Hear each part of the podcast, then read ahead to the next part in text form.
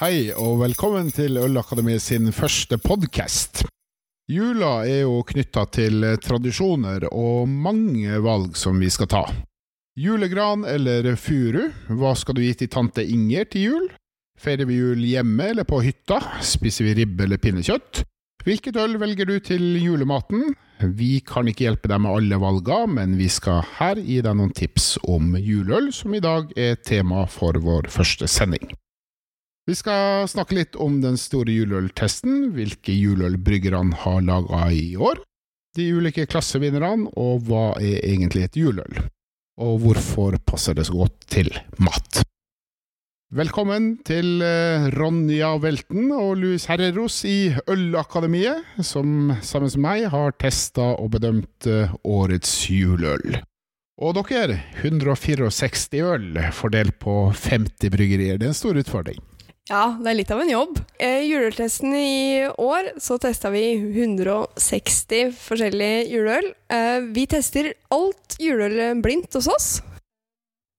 Og vi tar en morgensøkt og vi tar en kveldsøkt, og det går over mange dager. Um, vi tester ca. fire øl i eh, flighten om gangen. Og vi har et skjema foran oss, et smaksskjema der vi vurderer ølets utseende, ølets aroma, duft også, og smak. Og ikke minst helhetsvurderinga og hva øl passer til av mat. Vi har en egen uh, dame på skjenk, og vi går ut av rommet når ølet skal testes, for vi tester alt øl hos oss blindt.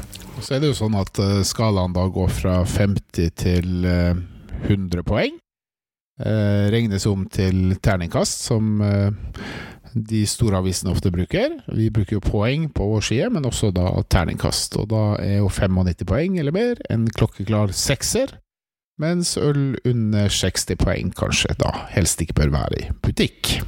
Kan jo også skyte inn det her med at uh, den, eh, hun som er på skjenk, da, hun som skjenker ølet til oss, og hun har jo også eh, kategorisert dette her, sånn at vi, vi sammenligner ikke en alkoholsterk klassisk øl mot en alkoholfri øl, f.eks.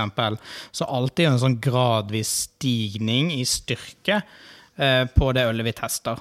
Um, og så er det jo også korrekt temperert i forhold til eh, det temperaturen skal være på det ølet vi smaker. Mm. Ja, for temperatur det er veldig viktig når det kommer til øl, og spesielt da juleøl. Det er en feil vi nordmenn gjør ganske mye av, og det er at vi tar ølet rett ut fra kjøleskapet og rett i glasset. Når det kommer til juleøl, spesielt disse mørke, sterke juleølstypene, så må det være mye mer temperatur i ølet for at sødmen skal få lov å komme fram. Serverer du et juleøl på kanskje 10% for kaldt, så vil du kjenne en god del resta preg, men også noe alkohol. Så balansen kommer fram ved temperatur. Mm. Da blir det mer behagelig juleøl. Smak og aroma er jo også viktige elementer. Kan jo si noe om det her med, med deltakelsen fra bryggeriene. Det er jo noen som velger å ikke delta i en øltest. Da er det mange som sikkert savner noen bryggerier i testen vår. Eh, det kommer av litt forskjellige grunner. Noen har ikke rukket fristen vår for å levere. Noen har valgt å holde seg utenfor. Um, det som også eh, er viktig å, fortelle, er at vi tester jo kun norsk. Dette er kun norsk juleøl. Og bryggeriene har selv valgt hvilken de vil melde på. Så noen bryggerier har jo også flere juleøl enn det vi har testet. Mm. Um, og det siste kriteriet er også at det skal være tilgjengelig for salg for allmenne uh, uh, allmennsalg, da, enten hos en uh, butikk eller hos Vinmonopolet. Det er ikke et øl som kun er laget for uh, utesteder. Det er nok mange som kunne tenke seg å ha jobben som øltester dere. Ja. Hva, hva, hva, er liksom kriteriene for å jobbe med noe sånt? Jeg er glad i øl, iallfall. Jeg øl, ja. Jeg, jeg, har, jeg har en misunnelig gubbe hjemme, i hvert fall, på denne, at man får lov å være med på en juleøltest. Men du, det krever en del av deg. Det er ganske slitsomt å sitte og eh, analysere og vurdere øl i flere timer i løpet av en dag. Vi er ganske seriøse når det kommer til øltestene våre, og, og vil at eh, ølene skal få korrekt bedømmelse, og da vil det ta litt ekstra tid også. Mm. Og øl som vi er usikre på, de tester vi eh, gjerne to ganger, kanskje også tre ganger, før vi i hele tatt får noe fasit. Da tenker du på at noen øl kanskje ikke har den kvaliteten som det burde ha. Det kan jo også være andre veien, at det er en øl vi er veldig, som alle liker veldig godt, eller det er kanskje en som ikke liker den, de andre liker den i panelet. Da tar vi gjerne en runde til for å se hvor på skalaen er den. Er den en sekser, eller er det en femmer? Mm. Så det er liksom både og, både de som ligger litt sånn langt nede, og de som ligger høyt oppe. Så vippeposisjonene, de er jo ofte testet Ja. to Ja, ganger. det stemmer. Ja, jeg skal også nevne det at eh, det er jo litt eh, gøy når man alltid får fasiten. Det er jo noe vi, vi venter spent på, å høre hvem er det som har fått seksere i år, og, og eh, hvem har fått alle femmerne. Eh, og det skal jo sies at i dag at det var ganske gøy å få den beskjeden om at et lite bryggeri har fått en av sekserne. For det, husk at det er 160 øl, og det har blitt delt ut syv seksere. Og ett en av de sekserne det gikk da til et eh, lite bryggeri som heter Hunsfoss. eh, og direktørens jul. Så fantastisk. det er veldig gøy. Ja, det er veldig gøy. Det, det var jo jevnt over veldig høy kvalitet, eh, og veldig mye godt juleøl. Jeg må jo si at årets runde har vært bedre enn fjoråret. Det kan være fordi jeg foretrekker det litt sånn mørkere, sterkere, mer klassisk, da. Eh, men veldig bra eh, øl i år. Jeg føler at i fjor så var det ganske mye av ølene som hadde litt uferdig karakter. Ja, det var veldig mye, veldig mye grønne toner. eh, det var veldig mye bruk av røyk, eksempel, i fjor. Ja, og det er blitt mye mer balansert ut i år. Og jeg tror rett og slett for at juleøl har fått tid til å lagres og modnes. Ja, for uferdig juleøl, det vil vi ikke ha. Helst ikke. kan prøve å lage det til neste år, da. Det, det kan fungere, det. Du, disse ølfeilene har vi ikke snakka så mye om, men uh, av og til så er, har ølet helt klare feil, og i år var det jo fire øl som ble strøket i testen. Kan dere si litt om det? Ja, altså, det skal jo sies det at uh, dette med, med ølfeil, uh, det er jo ikke sagt at det gjelder alt av ølene. Eh, ølfeilen, eh, det kan komme av f.eks. flaska. Eh, det kan komme av batchen. Vi må huske at øl er et levende produkt, og det vil variere fra gang til gang. Variasjonene er veldig små, men det kan også være uheldig. Så vi har trukket tre ølfeil fra testen. Ja. Og så var det ett bryggeri som var påmeldt testen eh, med et juleøl fra i fjor som de ikke ønsket å ha med. Akkurat. Og så er det sånn som det kan være, si at det kan være forskjell på batchen, og det er jo derfor vi også har med batchnummer i testen vår. Eh, enten det eller tappedato eh, i testen. Og det er jo veldig lett for for- forbrukeren å da sjekke opp med denne øla jeg har kjøpt. Er det den som da er med i testen, eller er det en ny batch? Ja, for det er viktig, det å kunne vite at du har fått eh, det ølet som er testa, eh, i handlebagen din. Og jeg tenker jo på en litt artig ting, dere, og det er jo kanskje det jeg bruker juleøltestene til òg, det er å vite hvilke øl man skal legge i julekalenderen. For det har jo blitt så veldig populært de siste åra, og nå er det veldig mange som da både lager sin egen julekalender, og du finner eh, julekalendere i salg eh, f.eks. hos Gulating. Hva tenker dere om det?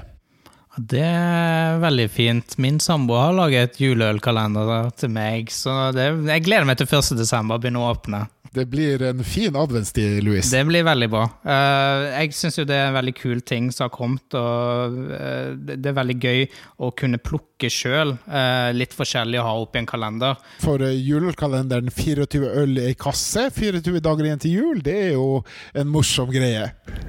Og jeg syns også at julekalenderen kanskje er et bevis på at vi nordmenn begynner å forandre drikkekulturen vår lenger. Altså vi begynner å forandre drikkekulturen vår.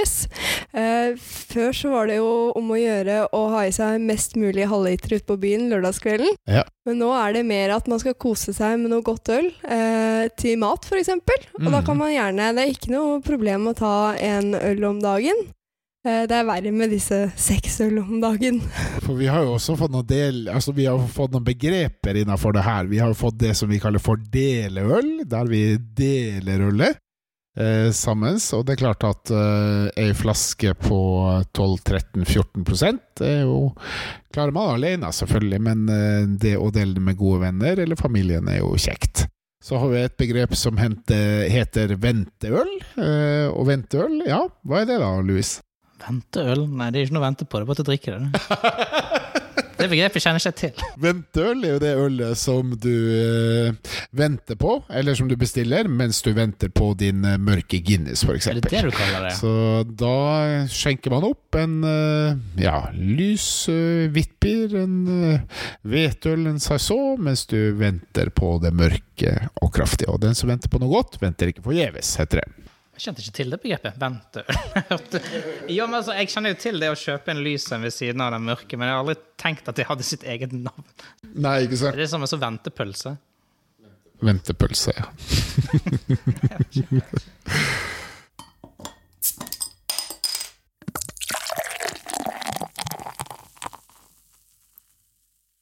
Men eh, dere, hvordan eh, øl har bryggerne laga i år, da?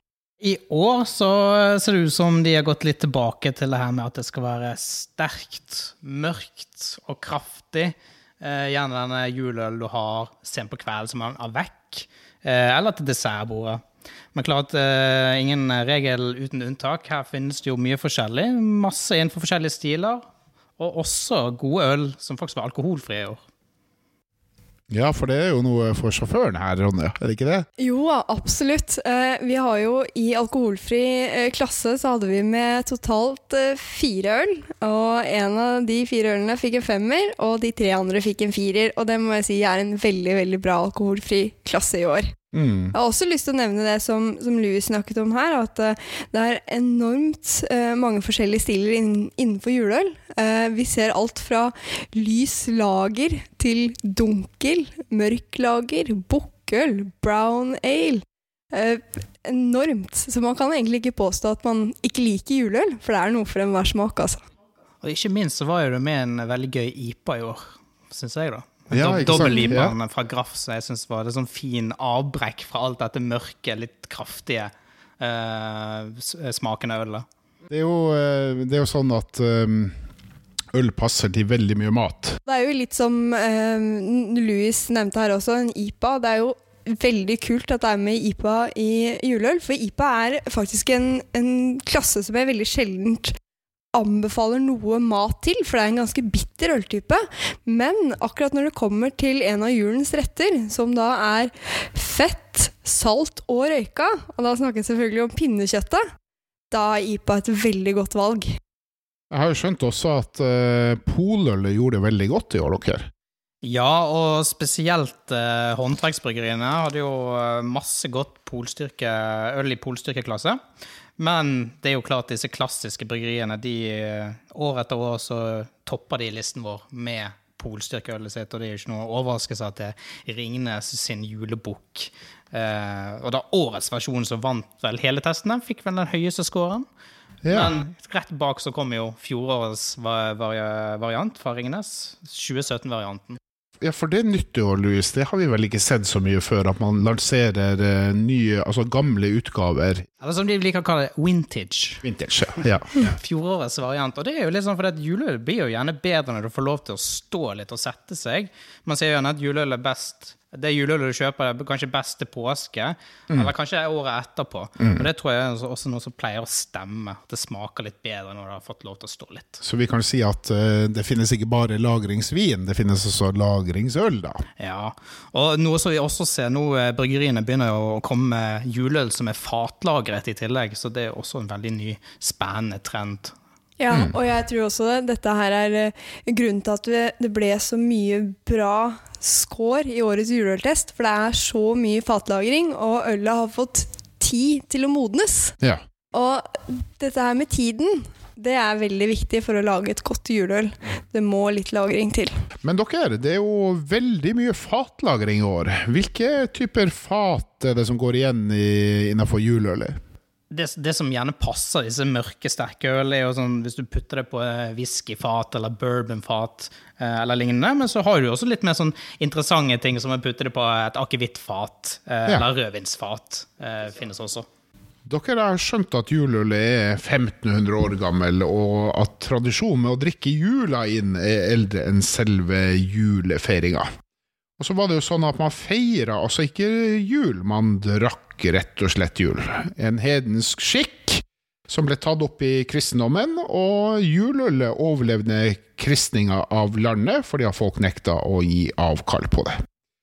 Og Da skulle ølbringa starte 14 dager før jul og være avslutta på Thomas Brygges dag 21. desember. Har dere brygga juleøl i år?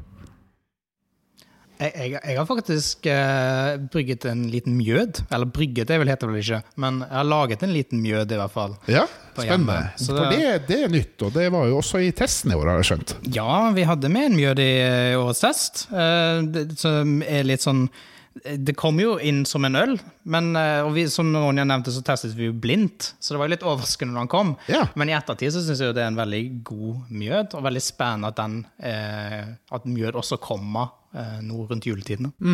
Ja, og ikke minst med tanke på at uh, mjød er jo ganske, ganske mye sødme i mjøden. Ja. Uh, som også gjør at det kan passe til uh, dessertbordet i julen. Å, det høres godt ut. Og til jul så er det jo mye søte desserter. Karamellpudding, kanskje? Jeg vet Ja, ikke. kanskje Funker? karamellpudding Ja. og eh, julekaker. Altså disse klassiske syv slag. Skal være godt å, å fiffe opp de litt eh, med en eh, julemjød. Må jo også skyte inn at Det er jo ikke alle som spiser så mye kake som om kanskje jeg, jeg er ikke så glad i kake, men jeg er veldig glad i ost. Da Så da tenker jeg da finnes det jo veldig mye god øl, og ikke, den mjø, ikke minst den mjøden, som kan passe til litt sånn ost. Og... Ja. Alt øl skulle jo eh, være sterkt til jul, og det skulle lages på sirup, sukker og tobakk, blant annet. Og ølet skulle krydres med einer og urter som ryllik, pors, malurt, einebær, bark og spirer fra gran og furu. Har det alltid vært sånn her at man skulle lage juleølet sterkt, Ronja? Altså, når vi går tilbake i tid, så skulle juleølet være sterkt.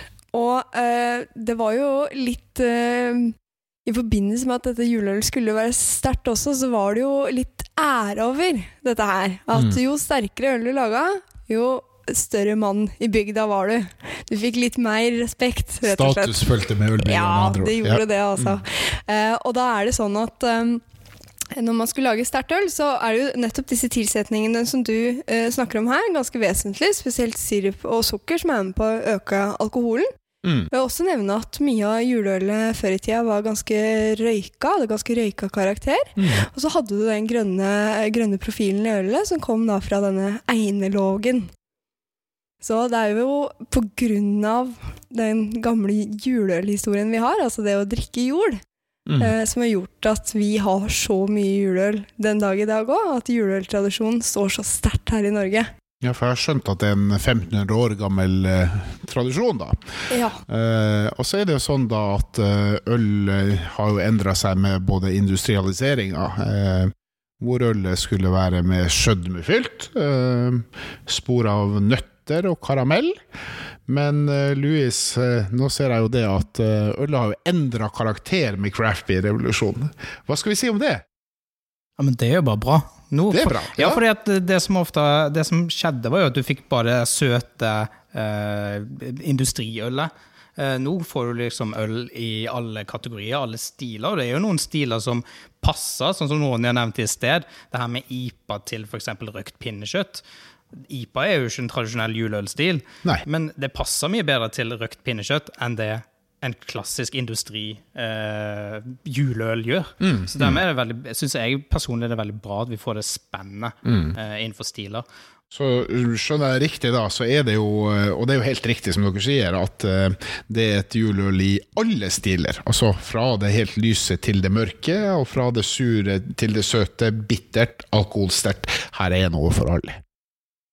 Ja, og der, der har vi jo Vi har jo juleøl nå til lutefisken. Vi har juleøl til rakfisken. Vi har juleøl til gravlaksen, som da går i hvitt og sasså, lys lager-kategori, som fint også kan kombineres sammen med akevitt. Så det er et stort spekter der ute, altså. Absolutt er det det. Er det noen regler som eh, de her ølbryggerne følger, tror du, eller er de opptatt av trender for å lage det perfekte juleølet? Det er et veldig godt spørsmål. Eh, Det er litt vanskelig å si. Eh, Jeg tror at eh, Det kommer nok litt an på trender. Det er jo mye påvirkning fra utlandet, selvfølgelig. Mm, Og det mm. ser vi jo med bl.a. dette lyse ølet som kanskje passer til julens fiskeretter, da, som Mm. f.eks. Sassot. Det er jo ikke en tradisjonsrik norsk øl. Eh, Den stammer jo egentlig fra Belgia, men den passer jo veldig veldig godt eh, på eh, bordet i jula. Absolutt. Spesielt i Sild, laks. Ja. Det, det store spørsmålet er jo også hva vi drikker til ribba og pinnekjøttet.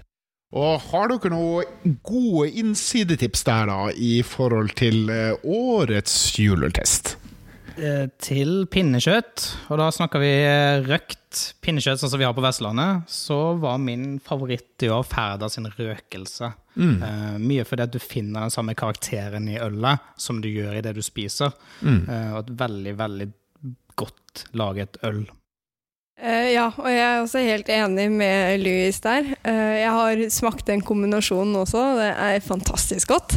Eh, veldig harmoni. Eh, du kan bytte ut pinnekjøttet med smala hauge også. Det gjør ingenting. Så eh, det er sånn da innenfor ølverden at jo, jo kraftigere maten er, desto kraftigere øl skal du ha, og gjerne kanskje håndbrygga, eller? Stemmer det? Det, det er jo eh, Det er ikke nødvendigvis sånn, men, men det er jo gjerne en grei tomannfinger å gå ut ifra. Som du er helt enig i eller ikke, Ronja? Eh, nei, altså det er for så vidt eh, Det er nesten sant, men Mm. ikke helt sant. Ok. Eh, det vil jeg nok ikke, ikke si, fordi som vi nevnte litt i stad også, ja, ferdig røkelse er godt til, til som pinnekjøtt og smalahove, fordi at det har mye av de samme karaktertrekkene som det røyka kjøttet Mm, mm. har. Eh, Men uh, igjen så snakka vi om i stad at IPA også fungerer veldig bra til pinnekjøtt, og det har jo ikke det samme karaktertrekkene. Det er jo motsatt skala. Ja? Men det er jo bitterheten Ja. som hjelper oss der, Ja. for å løfte måltidet og gjøre måltidet litt lettere. Ja. Eh, For du vet jo åssen det er på julekvelden når klokka er åtte. Man er ganske stiden. Man er ganske stiden. Ja. Der er jo en ting jeg har tenkt mye på, som jeg egentlig er ganske glad i, og det er å drikke surøl til pinnekjøttet. Og du har jo mange utgaver surøl òg, da, eh, som finnes på markedet. Eh, det som jeg kanskje er veldig glad i, det er gøs. Hva tenker dere om den kombinasjonen? Ja, det er jo også veldig, veldig bra, for det har jo den fine syrligheten ølet har med seg, som også er veldig bra å skjære gjennom fett og salt. Eh, Så der får du en veldig fin kontrast. Ja. Så gøs er også helt ypperlig til røkt pinnekjøtt. Hva drikker man da til ribbe? Nei, da skal man jo gå for disse klassiske sødmefulle juleølene, som du gjerne finner på Vinmonopolet. Da er det snakk om eh, disse juleølene som er fra de klassiske bryggeriene, som har god karamell, karamellmalt profil i seg. Mm. Gjerne ha litt alkohol som kan skjære gjennom eh, fettet på ribba, eh, og lager en helhet i måltidet. Du kan også putte litt av juleølet i formen når du steker ribba. Det er helt lov. Det er kult. Da blir det sprø svor i år, da. Ja, absolutt. Litt Ja, men- mer smak òg. Ja, men det er kult. Avekkølet, da? Det er jo noe som heter det, er det ikke Ja, det? Det tror jeg er den kategorien. Eller det, det, vi har så mange øl som faller inn uh, som passer til det i år, eh, at jeg vet ikke hvor vi helt skal begynne der engang. Uh, det er jo spesielt disse håndverksbryggeriene sine polstyrkeøl uh, som har gjort det veldig sterkt der. Ja, og det er jo når ølet går over 10% alkohol, så begynner det å bli sterke saker. Det sterkeste juleølet vi testa var jo på hele 19 eh, Og når du går så langt opp i alkoholen, så er det ganske godt avekkøl. Eh, det passer selvfølgelig også til litt sånn kveldskos og noe Mm. mørk sjokolade og så lignende. Mm. Eh, men det egner seg godt hvis du f.eks. ikke får sove hvis du drikker kaffe seint på kvelden. Så kan Ja. du bytte ut kaffetårn med litt sterk juleøl. Mine personlige favoritter for det, det her er jo disse her Vi snakket jo litt om fatlagring i sted, og Håndbryggeri hadde jo noen fantastisk gode fatlagra juleøl i år, som er sånn det ultimate av vekkølet, syns jeg. da Sånn som en fatlagret eh, bestefar. Um, De hadde jo en julestout, hadde ikke det? Som var veldig den god. var også helt fantastisk. Ja. Og hvis jeg ikke tar feil, så fikk vel begge terningkast seks av oss. Ja, ikke Vel sant? fortjent. Og så har du jo disse bryggeriene som eksperimenterer litt ekstra òg, da. Eh, Som bruker litt ekstra ingredienser eh, i ølen sin. Og Jeg hørte om at det er et Oslo-bryggeri, stemmer ikke det? Jo, det stemmer, vet du. Blant annet. Det er mange av de. Men du kan få øl som, som smaker som kokosmakroner. Eh, og da selvfølgelig er dessertøl eller drikkes Mm. alene, for det Mm. kan bli litt sånn too much til tider også. Mm. At, eh, vi har øl som nesten smaker som flytende sjokoladepudding eller flytende karamellpudding. Altså, det er, det er veldig gøy. Det er Hvis ikke, spennende. jeg, hvis ikke jeg husker helt feil, så tror jeg det var et øl fra Serviciam. Stemmer ikke det? Serviciam og Amundsen har jo Ja. levert en del øl eh, sånn som kalles for gjerne pastry stouts, hvor det, Ja. liksom, det smaker mer kake enn det smaker øl. da. Ja. Og det har jo eh, sitt publikum, det òg. Men dere, før jula ringes inn og juleavvekken kommer på bordet, småkaker, sjokolade og hele pakka, så er det jo noen som eh, velger eh, en litt annerledes jul, tenker mange. Og det er jo eh, juletorsk og lutefisk, dere. Eh, som eh, ja, både hører Midt-Norge til, noen i Nord-Norge. Eh, etter hvert så har det jo også blitt en, eh, en eh, del folk som spiser det på Østlandet, men veldig mye på Sørlandet og Vestlandet. Så hele Norge, med andre ord. Hele Norge, med andre ord. Helt korrekt. Hva tenker vi om øl til lutefisk, dere? For jeg har skjønt at tilbehøret har ganske mye å si. Ja, og her må vi jo tenke Er det lutefisk eh, med det tradisjonelle baconet og ertestuing og smør og lignende, så må vi litt opp i alkoholen i ølet også. Ja. Da må vi ha litt kraft i ølet. Da kan det passe ganske bra med et juleøl som kanskje er litt belgisk inspirert. Kanskje i kategorien blond, eh, kanskje til og med trippel, men også en, en saså kan fungere godt. Ja, det er liksom hvis du kjører alt tilbehøret, da, som de fleste av oss gjør. Ja, men så har du jo oss som kanskje liker brunost Ja, til ja, ja. Og da må vi gå en litt mørkere kategori igjen. Da kan vi gjerne velge et, eh, et litt mer sødmefullt juleøl. Ja. Eh, og det kan gjerne være på butikkstyrke. Altså si at et sånn klassisk bryggeri juleøl, f.eks. Mack juleøl. Ikke sant? Og det var jo godt i år. Det tror jeg fikk eh, terningkast fem, hvis jeg ikke husker helt feil. Ja, det tror jeg fikk en firer. Fikk det en firer? Nei, det var min landsdel. Vi hadde faktisk ingen femmere i den eh, kategorien eh, klassiske bryggerier i butikk. Nei. Men vi hadde jo et par i uh, Pol. Ja, ikke minst, men vi hadde i håndverksbryggeributikk. Når du snakket om lutefisk, må jeg skyte inn Syvfjell sin Miss Sophie, som vi anbefalte til lutefisk. Den må vi skyte inn. Absolutt. Ja, den var jo også en nydelig øl. Så bra. Uh, hva med juletorsdag, dere? Nei, juletorsken, da er vi i den lyse kategorien igjen. Eh, det kommer jo også igjen på tilbehøret, Ja. eh, hva man velger til, til juletorsken. Tenk litt i retning sånn som du gjør til, til lutefisken. At hvis det, er, hvis det er sødmefullt tilbør, så kan du gjerne velge en øl som er litt mer sødmefull.